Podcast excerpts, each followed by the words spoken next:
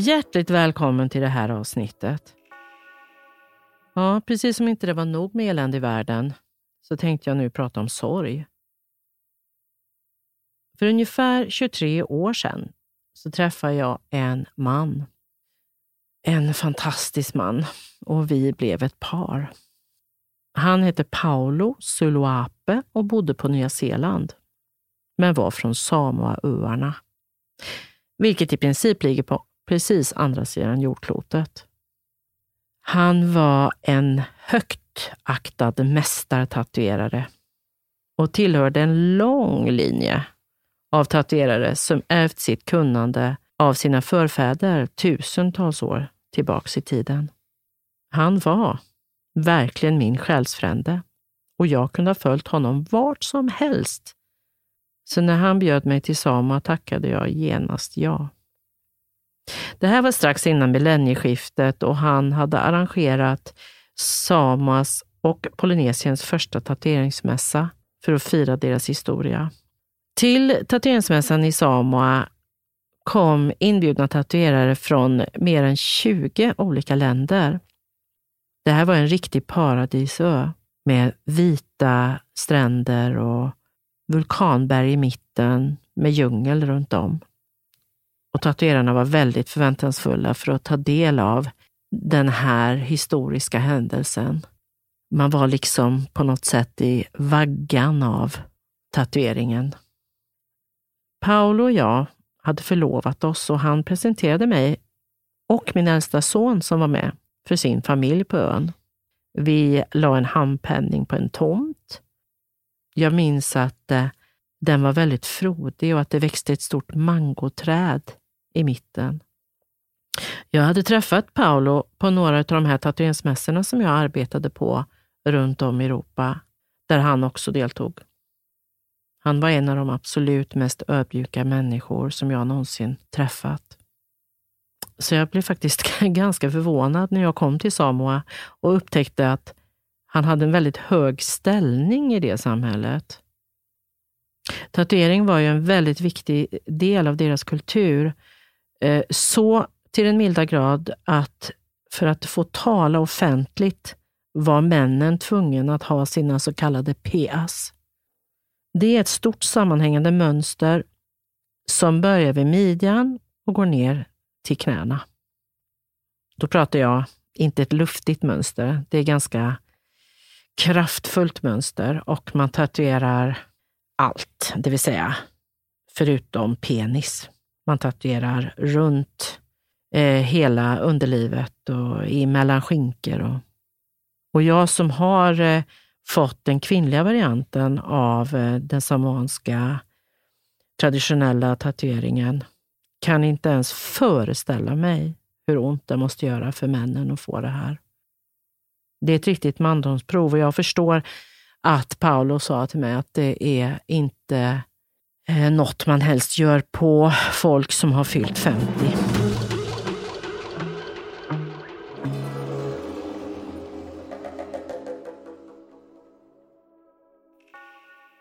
Ja, vi fick några fantastiska veckor på Samoa.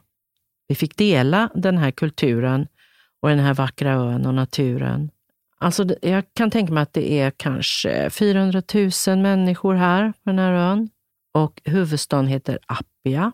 Och eh, sättet de gjorde reklam för den här tatueringsmässan var att de kom till eh, eh, hotellrummen och väckte upp alla tatuerarna sju på morgonen och tvingade ut alla att gå i parad genom bygatan med gärna plakat och, och flaggor så man kunde visa vart man var ifrån. Ungefär som att det var en olympiad som vi skulle delta i. Eh, jag tänker också på Eh, de, de var ju religiösa. Jag tror att det var en blandning av att antingen var man katolik eller så var man kristen, då, men de hade kyrkor och så.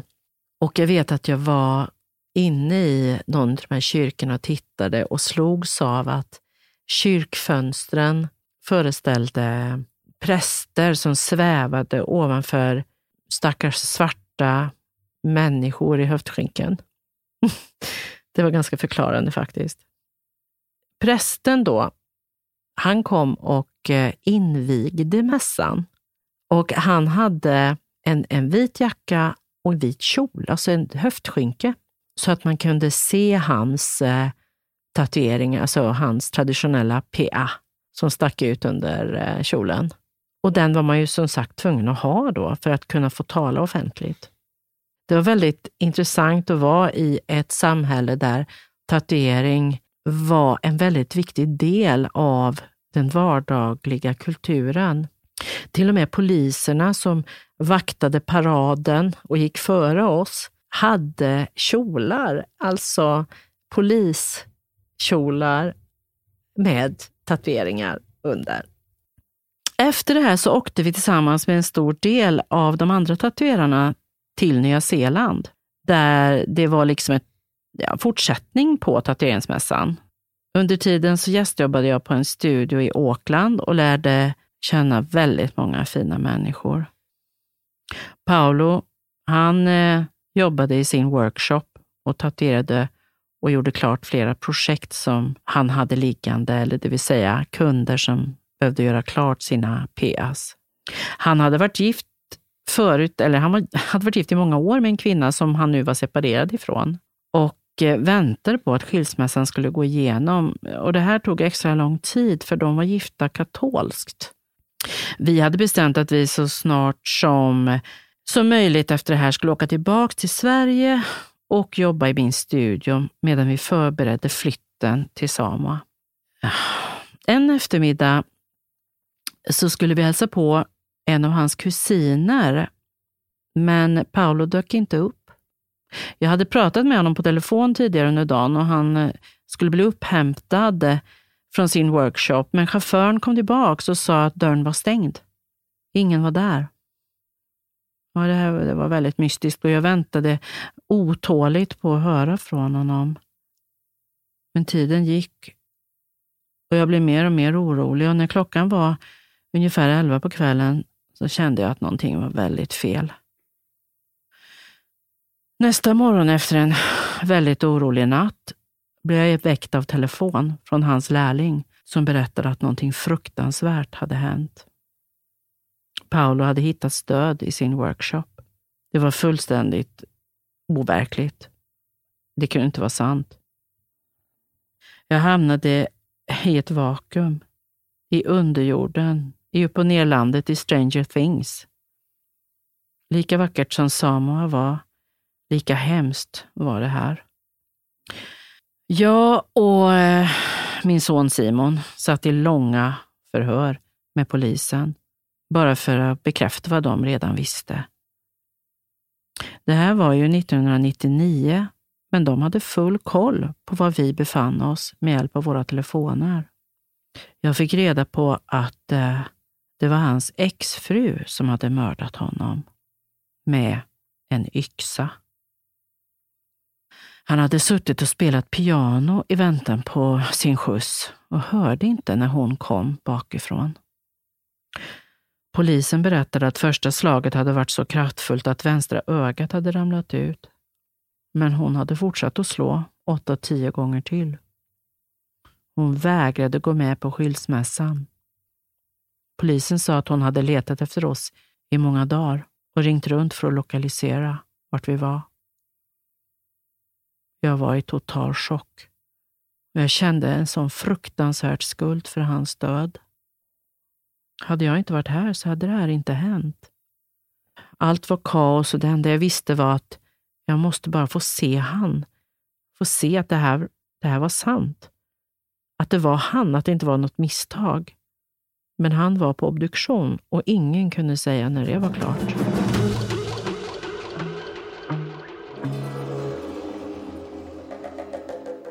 Några dagar senare så fick jag ett telefonnummer av polisen. De berättade att eh, det var från en av Paulos bröder som också bodde här på Nya Zeeland. En bror som jag inte ännu hade träffat. De sa att jag absolut inte behövde ringa om jag inte ville. Jag tänkte att hans familj eh, måste hata mig. Men jag ville så gärna försöka förklara och be om förlåtelse, så jag, jag tog mod till mig och ringde.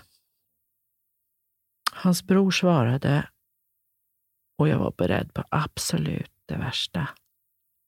Men jag möttes av orden, var inte rädd, vi älskar dig. Och jag bröt ihop. Fullständigt. Han bjöd hem mig till dem samma kväll och jag fick skjuts dit av mina vänner. Paulos bror som var präst och hans fru tog emot mig och jag visades in förbi rum med sovande barn till ett enskilt rum där vi kunde bekanta oss med varann. När de förstod att jag väntade på möjligheten att få se Paolo innan jag kunde resa hem, så sa de plötsligt att han var där och att jag kunde se honom nu om jag ville. De hade fått hans kropp dit samma dag och nu låg han på Lide parade en öppen kista i ett annat rum. Jag snubblade efter dem som i en dimma ut på baksidan av huset. Där på gården fanns ett glashus som skulle likna deras traditionella hus som de hade på Samoa. En fale. Mitt i det omöblerade rummet stod en öppen kista och mitt hjärta fylldes av både längtan och den totala insikten om att allt hopp nu var ute. Jag såg inte alla de andra i rummet, bara Paulos oigenkännliga, nödtorftigt fixade ansikte och jag grät. Grät som jag aldrig hade gjort förut. I mitt huvud hörde jag Paulos röst som försökte trösta mig. Men det hjälpte inte. Jag blev ditbjuden igen av hans familj nästa kväll och la märke till då att det var väldigt mycket folk i rummet. Jag förstod att eh, hans familj hade kommit från när och fjärran för att vara tillsammans med Paolo. De pratade med varann och med han.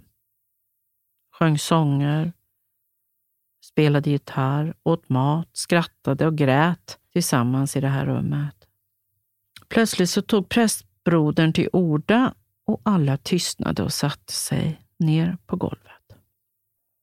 Han vände sig till mig och berättade att de hade haft ett familjemöte och sa att de nu hade beslutat att förskjuta Paulos exfru ur hans historia på grund av hennes brott. De visste att Paolo älskade mig och från och med nu så skulle jag ses som hans partner och fru och att de skulle alltid vara min familj. Och jag kände att de faktiskt menade det. Jag satt där på andra sidan jorden och kände mig inte längre ensam. Jag var med min familj. Paulos kärlek hade till och med övervunnit döden. Jag bjöds in och övernatta med dem här inne i det rummet och jag fick hedersplatsen närmast Paulos kista bredvid hans favoritsystrar. Begravningen var överväldigande. Det kom kungar och presidenter från andra polynesiska öar och mer än tusen människor som ville hedra honom. Det fanns inte plats i kyrkan. Flera stod utanför och de hade högtalare så att de kunde höra prästen prata. Deras ceremoni avslutades vid den halvgrävda graven, alltså den var inte färdiggrävd. Där stod en spade och alla gråtande tog var sin tur med spaden för att se till att han kom i jorden. Och nu så var det tillåtet att skrika ut och gråta det sista med varje spadtag. Det kanske låter märkligt, men det här sättet att sörja, deras sätt att sörja, hade rensat det värsta i mig och gett mig en biljett hem igen.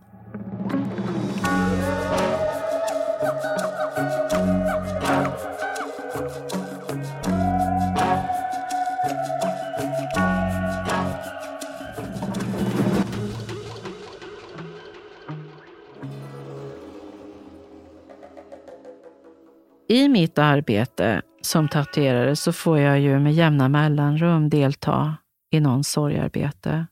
Jag gör en hel del minnestatueringar, porträtt och liknande.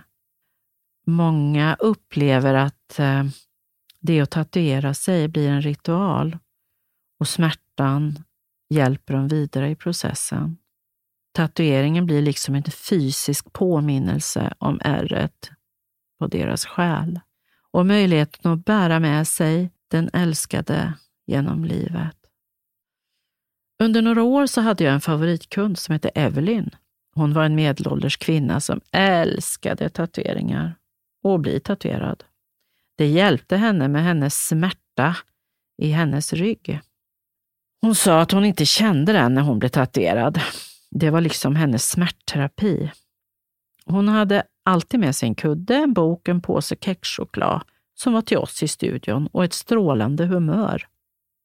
Hon hade verkligen allt möjligt på sin kropp och ständigt nya idéer. Jag minns att en av hennes favoriter var Betty Boop och hon berättade att hon blev kallad det som ung.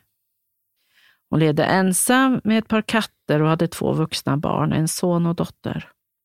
Sonen var ständigt bekymmer i hennes liv. Hon klagade att han var i helt fel umgängeskrets.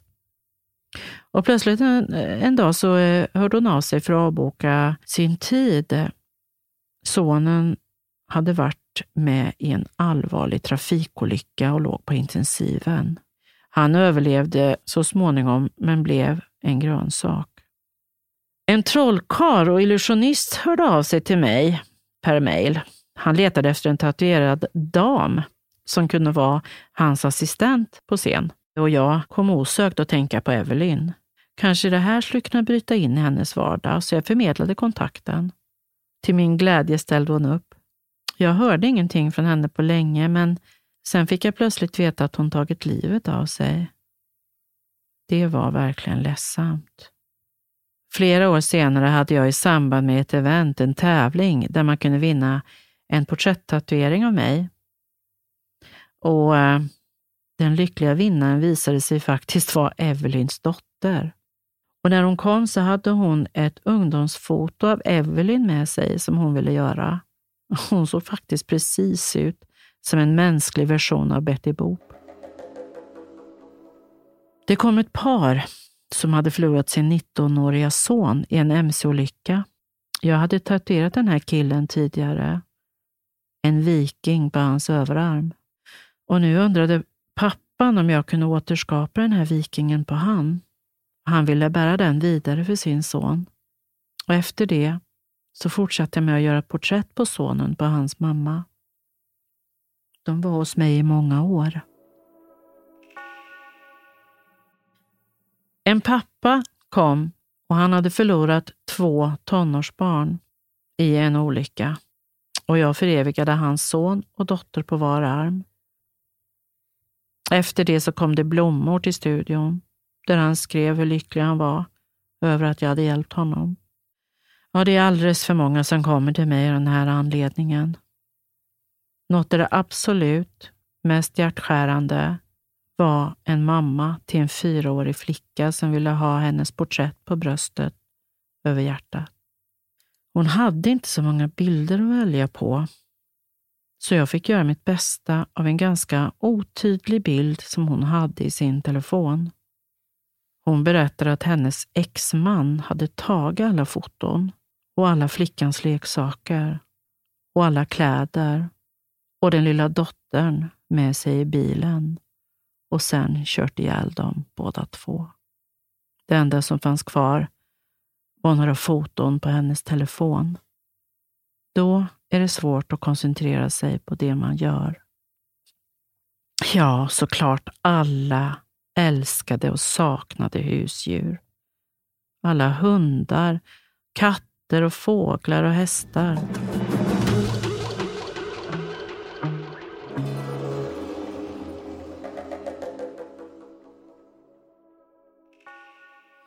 Jag hörde en intressant podcast med en kille som hette Anders Magnusson. Han hade ett tufft liv bakom sig, men hade fått hjälp med sitt sorgarbete genom en amerikansk metod. Och Det här hade hjälpt honom så mycket så han adopterade det här systemet och startade verksamhet här i Sverige för att hjälpa andra. Det heter Svenska institutet för sorgebearbetning och hemsidan heter sorg.se. Anders menade att talesättet att tiden läker alla sår är fel. Det är inte tiden i sig som är avgörande, utan vad vi gör med tiden. Ett problem är att sorg väldigt ofta förväxlas med depression och sjukdom. Så jag vill gärna återge lite vad som finns på deras sida. Det står Sorg är en naturlig reaktion som omfattar alla de känslor, tankar, fysiska reaktioner och förändrade beteenden som du kan uppleva vid en förlust eller förändring. Du kan känna sorg efter något som nyligen inträffat eller över händelser som ligger längre tillbaka i tiden. All sorg är unik och varierar ofta från person till person. Ofta förknippar vi sorg med dödsfall, men eh, sorgereaktioner kan utlösas av en rad olika förluster och förändringar, som till exempel skilsmässa, sjukdom, relationsproblem, fysiska och sexuella kränkningar, byte av bostad, arbetsplats, arbetslöshet, mobbing, missbruk, brustna drömmar, ja allt. Förluster och förändringar påverkar våra känslor, tankar, kroppar och beteenden på en mängd olika sätt. Hur vi reagerar är högst individuellt och varierar ofta över tid. En del gråter mycket, andra gråter inte alls. Vissa är arga och andra känner sig avstängda. Några vill prata, andra väljer att sörja ensamhet. Sorgen kan vara lika stor oavsett hur det yttrar sig. Att känna sorg när man är med om en förlust är normalt och naturligt. Däremot saknar de flesta av oss kunskap om hur man genomför ett sorgarbete. Istället florerar en massa myter och rädslor kring sorg i vårt samhälle. Bristande kunskap och isolering är två av de absolut främsta anledningarna till att sorgen förblir olöst. Eller oförlöst. Många av samhällets föreställningar om hur man ska hantera förluster kan summeras upp i sex myter. De här är så vanliga att de flesta av oss känner igen dem. De är Var inte ledsen. Var stark för andras skull. Sörj i ensamhet.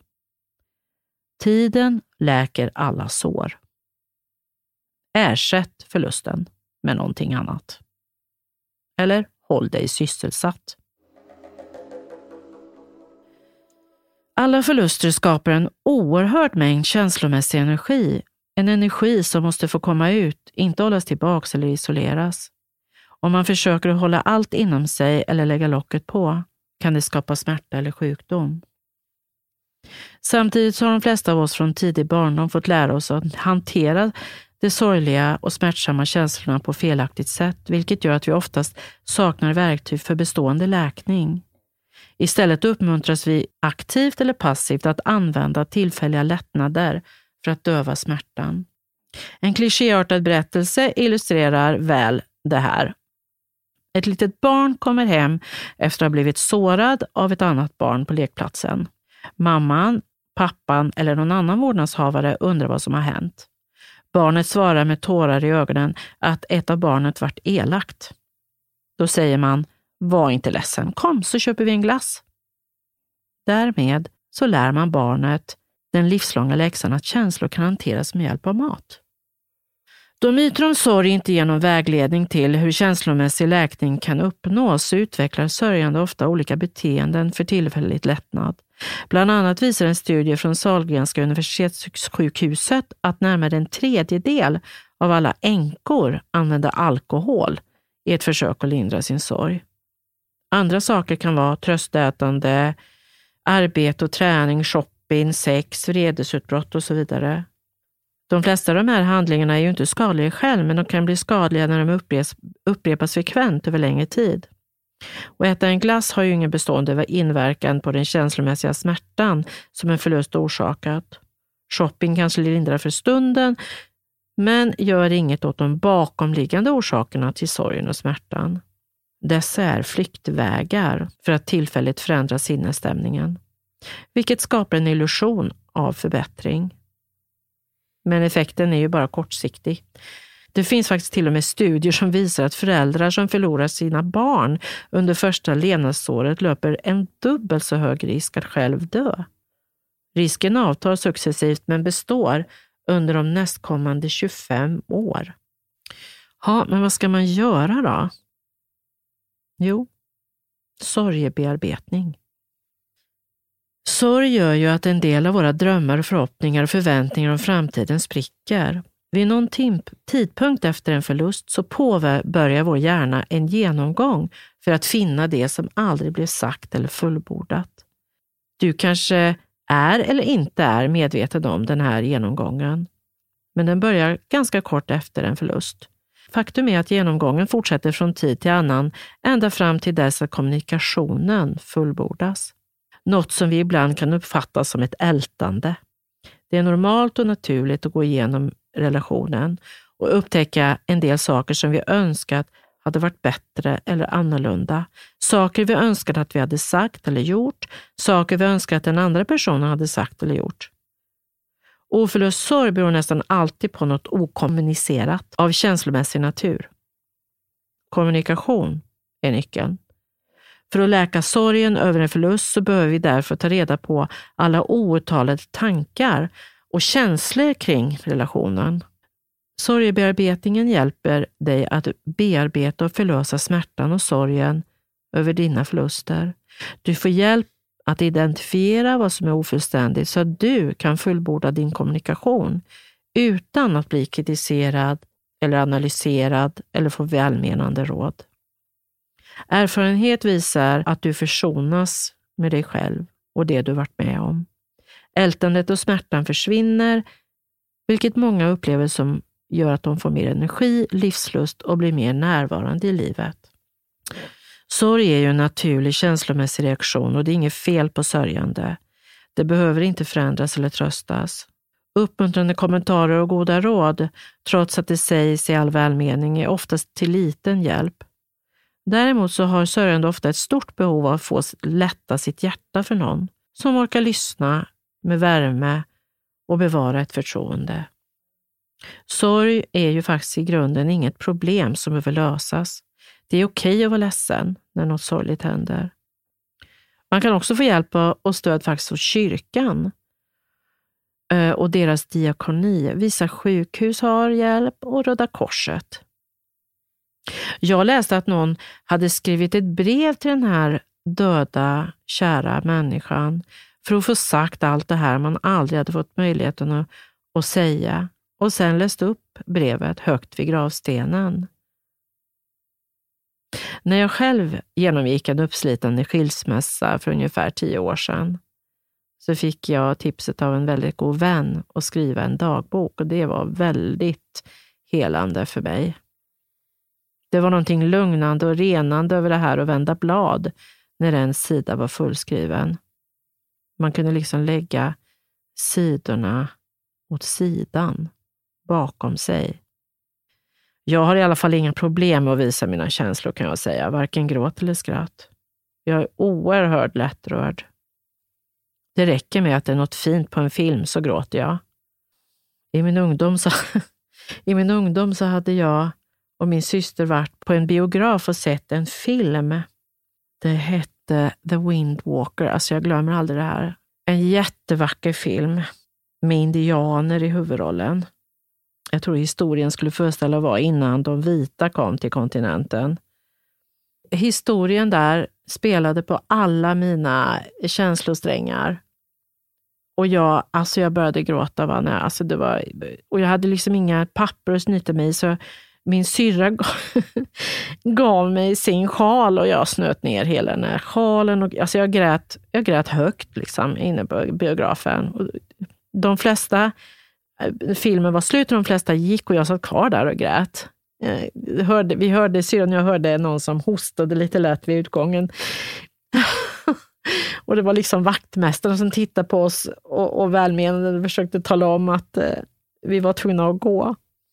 Och syrran fick liksom halvt bära mig ut gråtande från biografen. Eller som när jag hade skrivit en dikt som jag skulle läsa upp vid min eh, älskade gammelmoster tant Lillys begravning. Men jag grät ju snörvlade så att jag inte ens kunde, jag kan inte tänka mig att någon hörde vad jag sa. Men prästen var så bra. Han tog ordet efter mig och sa att han hoppades att någon skulle gråta så på hans begravning.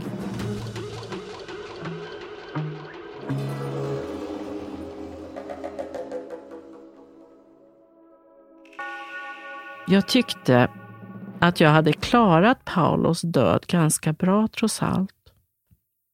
Jag försökte komma igen. Här hemma fortsatte livet och vardagen. Jag hade ju trots allt Simon att tänka på och min tatueringsstudio. Jag hade också ett väldigt, väldigt stort stöd av mina vänner och kollegor som även faktiskt hoppade in och jobbade extra i studion när jag inte orkade. Men min kropp var inte med. Det hade gått ungefär ett år och så plötsligt så kunde jag inte andas. Jag fick andnöd och fullständig panik. Åkte in till akuten och de gav mig något som heter Ventolin. Någon sån slags astmamedicin. Och då släppte det. Det här återupprepades gång på gång i kort följd och jag har aldrig upplevt något liknande. Till slut hjälpte inte Ventolinet och varje andetag var ungefär som att bestiga ett berg. Jag var helt slut. Nu la de in mig på Salgrenska och så visade det sig att jag hade dubbelsidig lunginflammation plus en illasinnad bakterie i kroppen. Min syrra som var med höll mig i handen och såg oroligt på mig. Hon såg att jag var rädd. Jag pep fram att jag inte visste om jag skulle klara det här. När jag insåg att det kanske inte skulle gå vägen. Att det här kanske var min slutstation. Då släppte all rädsla och jag blev helt lugn. Jag kände en enorm frid och tacksamhet över mitt liv. Syrran grät och jag försvann. Ja, nu vaknade jag upp nästa dag och jag hade fortfarande ont, men jag levde. Jag hörde en liten röst inom mig som sa att jag stod vid ett vägskäl nu. Jag kunde välja om jag ville leva eller dö. Valet var mitt. Jag tänkte på Simon som behövde mig, men livet kändes miserabelt utan Paolo. På sjukhuset i det här rummet som jag låg fanns flera andra med lungproblem. Min sänggranne till vänster var en medelålders kvinna som hade KOL. Hon var kopplad till en syrgastub och kunde inte ens gå på toan utan den. Hon berättade att hon på grund av den här sjukdomen var isolerad hemma. Att gå ut för henne innebar oftast att ta med sig syrgastuben på balkongen. Jag frågade om familj, men det hade hon ingen. Hon berättade att hon hade ett hjärtesorg efter att hennes livs kärlek oväntat dött i en olycka för många år sedan. Hon kom aldrig över det och sen blev hon sjuk. Jag förstod att det där kunde vara jag i framtiden. En dyster framtidsversion. Så jag tog mitt beslut. Jag bestämde mig för att leva. Ett år senare så träffade jag, ja, helt oväntat en ny man i mitt liv.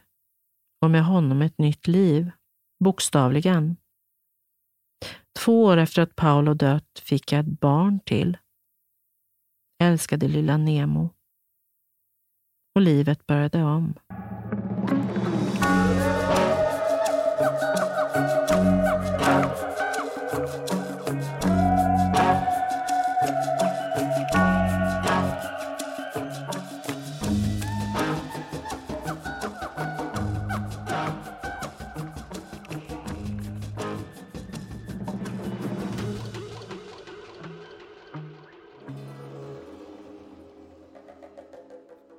Thank you for listening to this Polpo original. You've been amazing.